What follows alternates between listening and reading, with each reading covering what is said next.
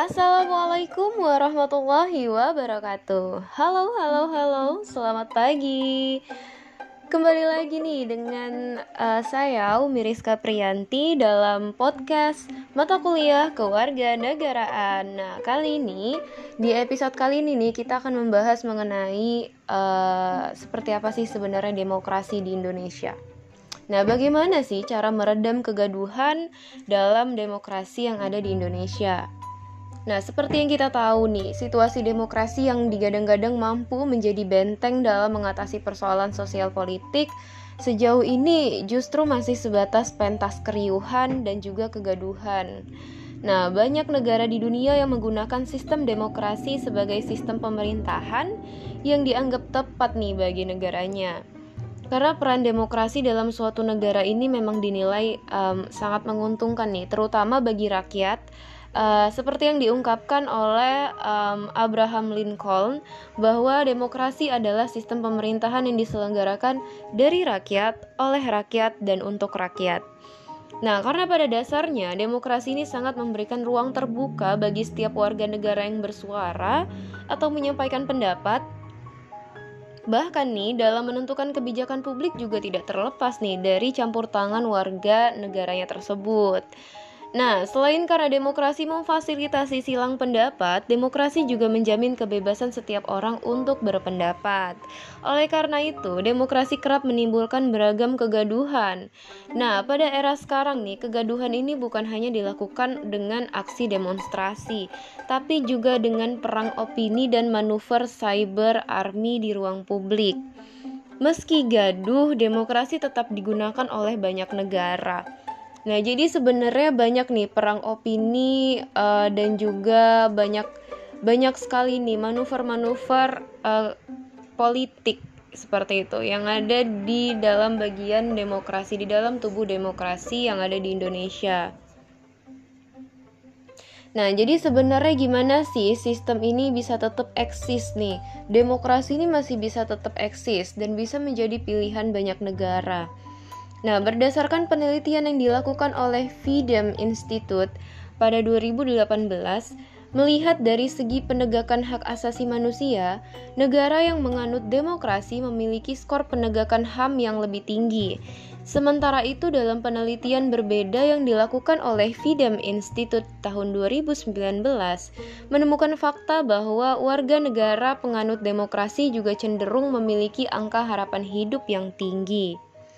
Nah, menurut pengajar ilmu politik di Institut Chengxi, Taiwan, yaitu Alex Tan dalam TDX uh, Talks pada Selasa tahun 2018, beliau mengatakan jika dibandingkan negara demokrasi dengan negara non-demokrasi secara umum, negara demokrasi itu lebih kaya. Mereka punya tingkat perkembangan manusia yang lebih tinggi. Demokrasi juga punya angka korupsi yang lebih rendah warga demokrasi lebih bahagia dan sehat, dan warga demokrasi memiliki, menikmati lebih banyak jaminan atas hak asasi manusia. Nah, beberapa analis mengatakan juga bahwa saat ini keadaan demokrasi di seluruh dunia berada dalam fase yang krisis. Riset yang dilakukan oleh Economist Intelligence Unit pada tahun 2019 menunjukkan skor rata-rata indeks demokrasi di 165 negara merosot dari 5,48 ke 5,44 pada 2019. Ini menjadi sektor uh, menjadi skor yang terburuk sejak 2006. Kondisi ini bahkan terjadi di negara-negara yang sudah mapan demokrasinya seperti Amerika Serikat yang mengalami penerima, uh, penurunan peringkat demokrasi. Nah, jika dilihat uh, dari negara Indonesia, Indonesia pun peringkat demokrasinya sudah turun dari full free di ujung pemerintahan SBY pada 2013 hingga sekarang Kini, demokrasi di Indonesia termasuk dalam kategori cacat atau flawed demokrasi. Ada beberapa alasan yang mengemuka mengapa demokrasi dilanda krisis, mulai dari rendahnya kepercayaan terhadap pemerintah dan politikus, penurunan jumlah keanggotaan partai politik, hingga regulasi pemerintah yang dianggap tidak transparan. Meskipun demokrasi mulai terguncang oleh banyak perkembangan situasi baru pada abad 21 ini, demokrasi tetap eksis. Nah, alasan utamanya itu apa sih sebenarnya?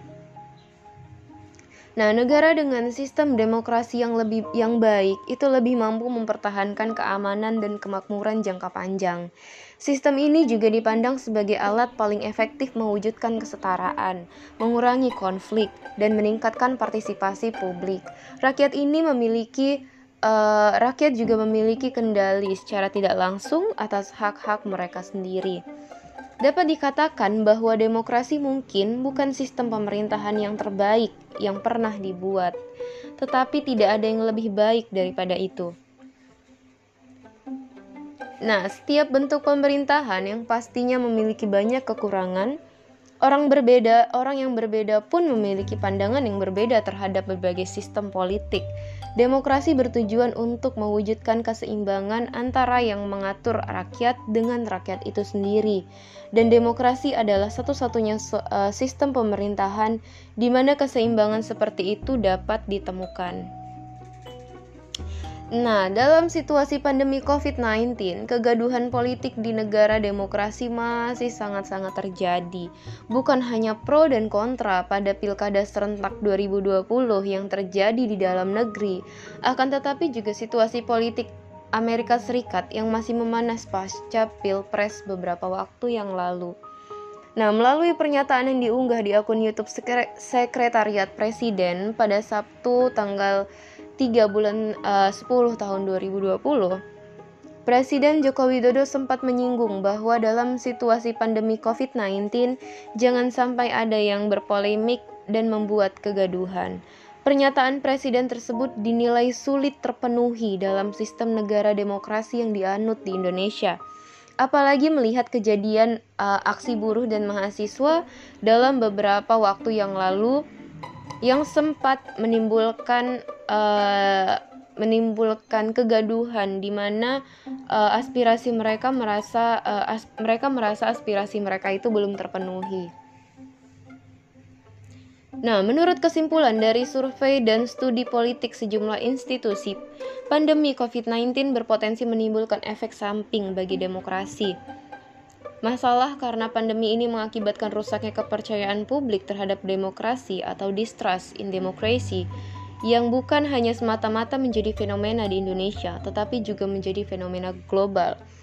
Seperti yang kita tahu, uh, pada sistem demokrasi saat ini, di mana ini kita masih dalam masa pandemi, uh, saat ini situasi pandemi menjadi uh, kesempatan bagi partai politik untuk membuat kegaduhan demokrasi di mana berbagai macam keputusan, berbagai macam uh, keputusan yang diambil oleh pemerintah dibuat uh, kegaduhan dari sana, seperti uh, kebijakan pemerintah Joko Widodo dalam uh, mengimpor vaksin, di mana keputusannya adalah dilakukannya vaksin vaksinasi secara uh, cepat dan juga tepat begitu. Di mana rakyat Indonesia tidak sepenuhnya percaya dengan vaksin. Nah, dari sini uh, dari keputusan yang dibuat oleh pemerintah ini uh, terjadilah kegaduhan-kegaduhan di sana yang dibuat oleh beberapa oknum di mana uh, berdasar uh, di mana mereka berlatar belakang dari partai tertentu, dari beberapa partai dan juga dari kelompok dan lembaga uh, tertentu di mana uh, mereka menciptakan kegaduhan dan uh, situasi yang panas di tengah-tengah uh, ketidakpercayaan rakyat oleh pemerintah. Mereka seakan-akan membuat rakyat juga ayo untuk tidak percaya dengan vaksin, ayo untuk tidak percaya dengan pemerintah, dengan keputusan yang diambil pemerintah, di mana mereka seperti mengkambing uh, membuat mengadu domba pemerintah dengan rakyat, di mana mereka membuat statement-statement uh, yang akhirnya rakyat berpikir untuk tidak percaya dengan pemerintah.